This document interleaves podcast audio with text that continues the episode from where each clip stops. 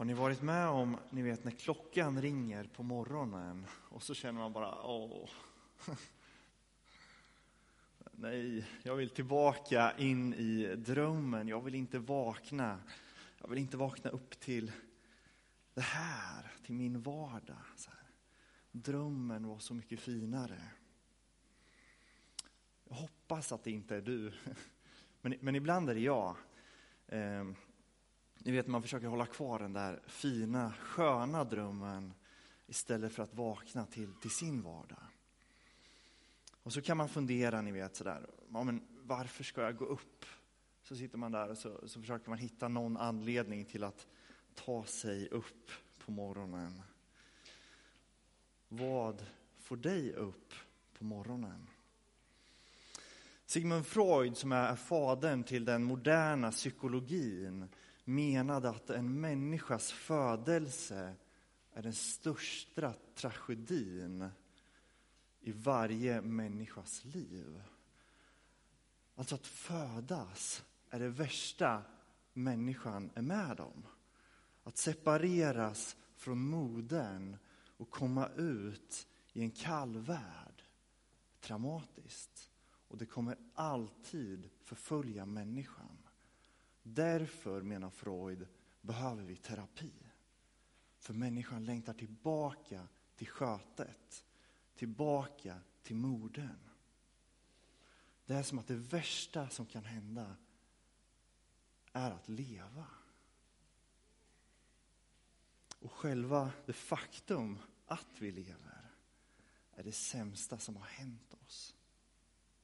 Och det är en händelse vi måste bearbeta under resten av våra liv. Varför får vi inte vara kvar i skötet? Det är uppmuntrande. och, och, i en del religioner så tänker man så.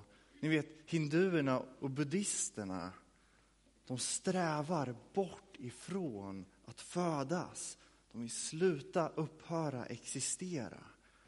Och de tänker sig att de föds och så dör de och så föds de på nytt. va? Och så dör de och så föds de på nytt.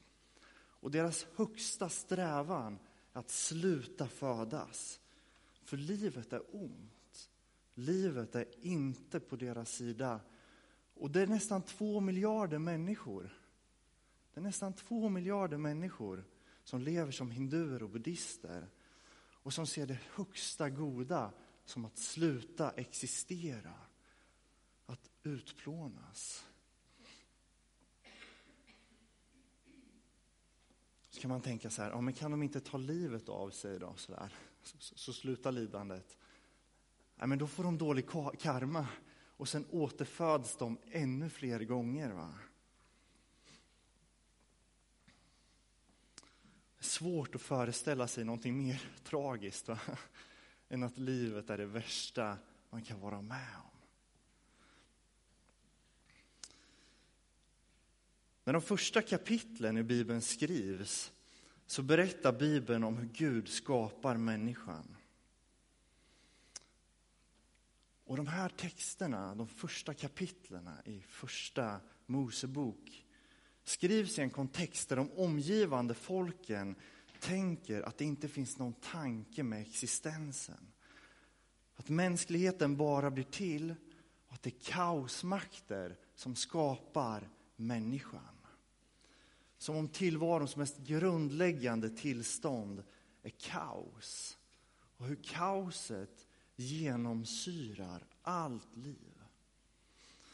Och i den här kontexten som Bibelns första verser skrivs, så svarar Bibeln att nej, det är inte kaos som orsakar våra liv. Det finns en tanke med våra liv. Det står att i begynnelsen var Gud, inte kaoset. Men så skapade Gud goda saker. Och till sist skapade Gud människan.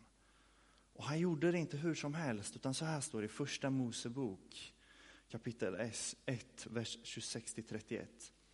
Gud sa, vi ska göra människor som är vår avbild, lika oss. De ska härska över havets fiskar, himlens fåglar, boskapen, alla vilda djur och alla kräldjur som finns på jorden. Gud skapade människan till sin avbild. Till Guds avbild skapade han henne. Som man och kvinna skapade han dem. Gud välsignade dem och sa, var fruktsam och föröka er, uppfyll jorden och lägg den under er, härska över havets fiskar och himlens fåglar och över alla djur som myllrar på jorden. Gud sa, jag ger er alla fröbärande örter på hela jorden och alla träd med frö i sin frukt. Detta ska ni ha att äta. Åt markens djur och åt himlens fåglar och åt de som krälar på jorden, allt som har liv i sig, ger jag alla gröna örter att äta. Och det blev så. Gud såg att allt som han hade gjort var mycket gott. Gud skapade människan. Gud skapade människan på ett ordnat vis. Han skapade henne inte in i kaos, utan in i ett paradis. Hon skapades inte till kaos, utan till Guds avbild, lika Gud. Och så konstaterar Gud att det här är mycket gott. Mänskligheten, du och jag, är inte till ur kaoset, inte till ur tomheten, utan Gud har skapat dig och det finns en tanke med ditt liv. Du är skapad till mer än att för att en dag dö. Du är skapad till Guds avbild, lik Gud. Och när Gud ser dig så ser han en god skapelse. Detta är mycket gott. Och Det kan man ju tycka är fina ord. Varför känner jag inte igen det i mitt eget liv? Va? Om nu Gud har skapat mig så, varför kan jag vakna på morgonen och önska att jag får fortsätta sova? Varför går två miljarder människor runt med sin högsta önskan att sluta leva? Varför blir det så? Jo, för att Gud ger människan en fri vilja och människan väljer att inte längre ta del av Guds goda utan skapa sitt eget liv. Hon väljer att inte längre definieras av det som Gud har skapat henne till utan hon vill skapa sig själv. Och istället för att spegla sig i Guds ögon och se att jag är fantastisk så vill människan själv välja och bestämma. Så mänskligheten lämnar Guds goda för att istället skapa sin egen tillvaro, sitt eget paradis.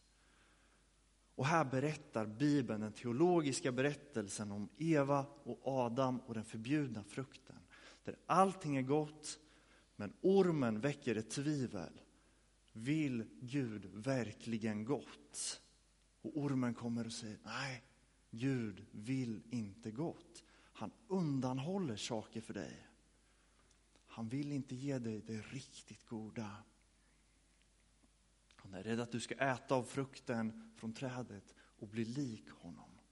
Och där föder ormen misstro hos mänskligheten. Och mänskligheten väljer bort Guds vägar, väljer att misstro det som Gud säger är gott för att själv, själv definiera vad som är gott. Och eftersom Gud är god så har han gett människan en egen vilja. Och eftersom Gud är god så låter han människan gå sin egen väg. Han låter henne lämna paradiset, det Gud säger är gott, för att skapa sitt eget paradis. Och kanske är det så att när vi ligger och försöker vakna på morgonen från vår fantastiska dröm och det är svårt att komma upp, så är det för att vi längtar efter någonting annat. Någonting annat än där vi står i just nu. Vi längtar bort ifrån vår tillvaro. Och då är de goda nyheterna att det är precis det Gud har för oss. Det är precis det, precis det Jesus vill bjuda in oss i. När du känner en frustration över hur världen har blivit. När du tänker, hur kan det här tillåtas att existera när det finns så mycket förtryck, så mycket saker som är fel. Så är Bibelns budskap att Gud är inte passiv. Han griper in i våran tillvaro och vill befria oss ifrån detta märkliga som vi har skapat själva. Han vill föra oss in, tillbaka in i den goda värld som han från början har avsett oss till. Och det här är den genomgående berättelsen i Bibeln. Hur Gud sen möter människor gång på gång och inbjuder dem i hans goda tillvaro. Människorna väljer att gå sin egen väg och de blir perverterade och bara någon vers efter att de lämnar eh, paradiset så ser vi hur det första mordet sker och människorna börjar döda varandra eftersom andra människor står i vägen för deras egen lycka. Och till slut så står det att Gud hanterar ondskan på jorden genom att utplåna den och låta de få goda människorna vara kvar. Men snart blir mänskligheten ond igen. Så Gud, han ger en ordning, en lag som ska hjälpa människorna att leva det goda livet. Men mänskligheten vill inte följa lagen. Och de som väljer att följa lagen använder den kanske snarare för att förtrycka människor än att sprida Guds goda. Och då sänder Gud profeter som talar till människorna och tillrättavisar där de missköter sig. Men då dödar människorna profeterna. Så till slut så lovar Gud att han ska sända en annan ande. En annan ande än människornas hatiska, giriga och egoistiska ande. Han ska sända sin ande. Den ande som först var det som gav människorna liv, men som mänskligheten valde bort. Det liv som Gud från början hade avsett människorna att leva i. Men som människorna lämnade. Han ska sända sin ande så att de ska få del av Guds goda. Så Gud sände Jesus som den nya människan och där börjar Gud om skapelsen. Inte genom en flod som dränker, men han sänder den nya Adam, Jesus för att visa det nya livet. Och Jesus förkroppsligar det nya livet och inbjuder människor till att ta del av det nya livet. Men världen hatar det goda livet, det nya goda livet och korsfäster Jesus. Men Guds liv går inte att döda. Guds goda liv genomlever lever döden. Så Jesus uppstår och fortsätter att inbjuda människor till hans goda liv. Och därför sände Jesus ut lärjungar till att döpa människor så att de får begrava sina gamla människor och uppstå som en ny skapelse. Istället för en flod så erbjuder Jesus dopet. Att begrava sin gamla människa men också att uppstå som en ny människa. Och så låter han dem ta emot Guds helige ande. Anden som ger liv. Och det är precis vad människorna längtar efter. Det är Bibelns anspråk. Och precis som tidigare så håller inte alla människor med. Människor vill fortfarande skapa sin egen glädje. Människor vill fortfarande vara sin egen herre. Men åt alla de som vill så ger Gud rätten att bli Guds barn. Ta emot den goda skapelse som Gud från början har avsett dem till. Så han sänder sin ande och formar levande människor. Och när vi låter Guds ande verka i oss så blir vi de vi är skapade till att vara. Det är det anden gör i oss. Anden föder gott i oss. Så här står det i Galatiebrevet 5, 22-23. Bibeln säger att när vi tar emot Guds ande och låter han verka i oss så föds goda frukter. Andens frukter, står det, är kärlek, glädje, frid, tålamod, vänlighet, godhet, trofasthet, ödmjukhet och självbehärskning. Och de här kommer vi återkomma till under de kommande tre söndagarna. Idag så fokuserar vi på de två första. Vad gör anden i oss? Jo, han föder kärlek i oss. Du är inte skapad till att inte känna dig älskad, till att inte vara lycklig. Som att livet skulle vara en plåga, en ständig kamp. Det är inte det livet du är skapad för. Istället vill anden föda kärlek och glädje i dig. Låta dig ta emot det goda som Gud har. Bibelns budskap är att du är skapad till mer än att vilja somna om när du vaknar. Till mer än att vilja leva ett liv som ska upphöra att existera. Man kan prata om kropp, krockar mellan olika synsätt. Så här, va? Och är man hindu eller buddhist så är idén om himlen en, en, en omöjlig plåga. Va? En hindu eller en buddhist vill inte bli kristen för att det skulle innebära att man skulle leva i en evighet. Så, va? Det är ju otänkbart, det är ju så här, det, är det värsta man kan drabbas av. Och så kan man känna, jag vill inte leva i en evighet, jag orkar knappt leva idag. Va? Ehm. Och då är Bibelns budskap till oss att det inte är en evighet i lidande, det är en evighet i total, genuin glädje. Guds totala glädje som svarar an på den tomhet vi kan känna inom oss, där vi längtar efter glädje. För Jesus han älskar dig, han vill ditt liv och han vill gripa tag om ditt hjärta. Låta dig bli fri, hitta dig själv. Den som han har skapat dig till att vara. En person som får leva kärlek och glädje.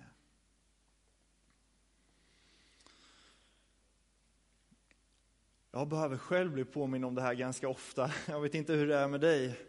Jag tycker inte alltid att livet är superfantastiskt. Det finns mycket gott i livet, men jag kan tycka ibland att jag kan känna att det är tufft. Så. Men jag vet att Gud har så mycket gott för mig. Och därför försöker jag fylla mitt liv att läsa Bibeln, att be, att sjunga lovsång och att möta människor som längtar efter samma sak som jag längtar efter. Och i perioder när jag har haft det tufft så har lovsång och bibelläsning varit jätteviktigt för mig. Vad fyller du ditt liv med när du har det tufft? Min lockelse är ju alltid att, att sätta sig framför tvn va? och kolla på serier.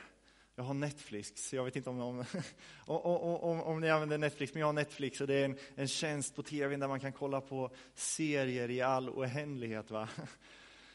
Och ibland när man vill koppla av så kan man sätta sig och sätta på en serie sådär. Va? Men det är väldigt lätt att när livet är tufft så sätter jag på de där serierna och så flyr man in i det. Och någonstans i ett sånt tillvägagångssätt så fylls man bara av ännu mer tomhet. Va? Jag låter inte Guds goda definiera mig, utan jag flyr in i någonting annat. Vad fyller du dig med när det är tufft?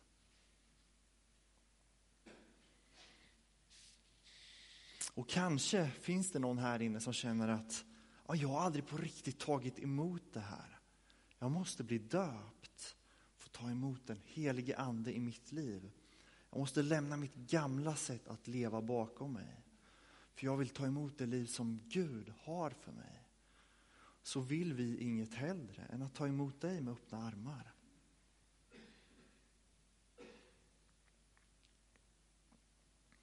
Kanske att de två miljarder buddisterna och hinduerna har rätt. Livet är ett helvete.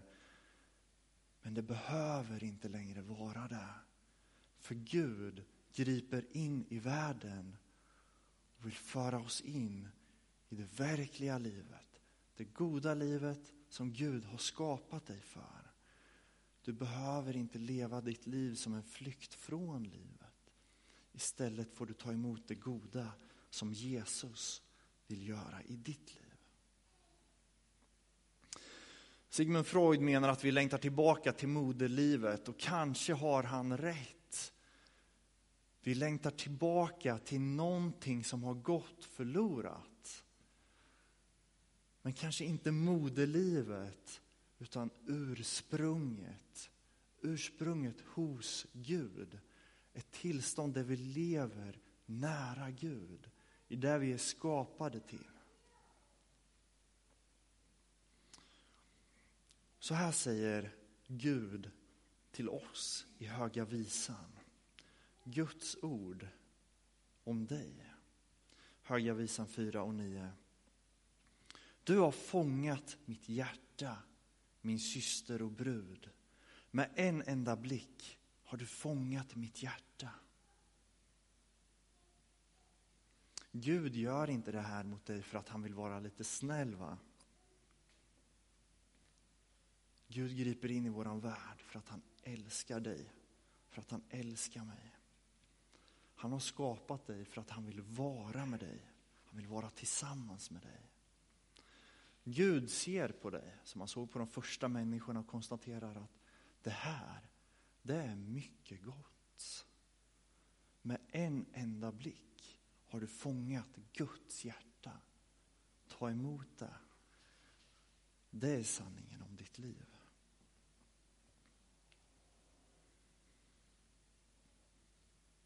Och om det är du som känner, att jag orkar inte riktigt gå upp på morgonen. Jag har svårt att motivera mig. Jag har inte den här glädjen. Då säger vi nej till de tankarna i Jesu namn. Och så ber vi om att Guds ande får komma med, med sin sanning in i ditt liv in i dina omständigheter. För du är älskad och du är skapad för glädje. Det är sanningen om våra liv. Vi ber tillsammans.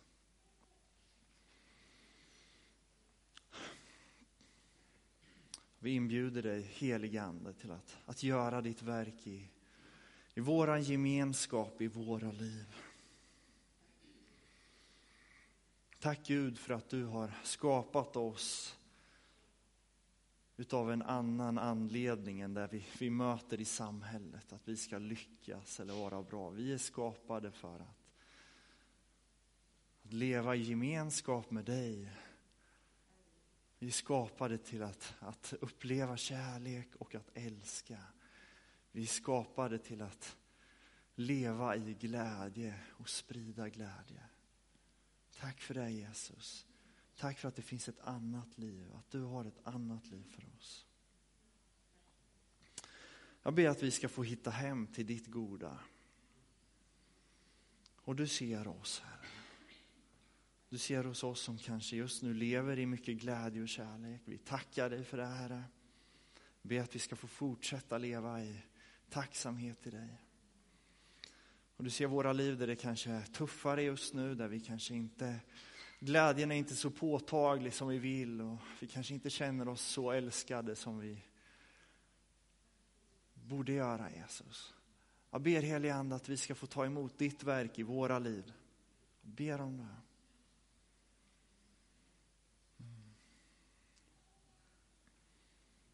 Tack Jesus för att vi är skapade till mer än lidande. Tack för att du har goda tankar för oss. Och tack för att du inbjuder oss till att ta emot utav ditt verk. Ta emot utav ditt goda. Jag ber att vi ska få se mer utav det ibland oss. I Jesu namn. Amen.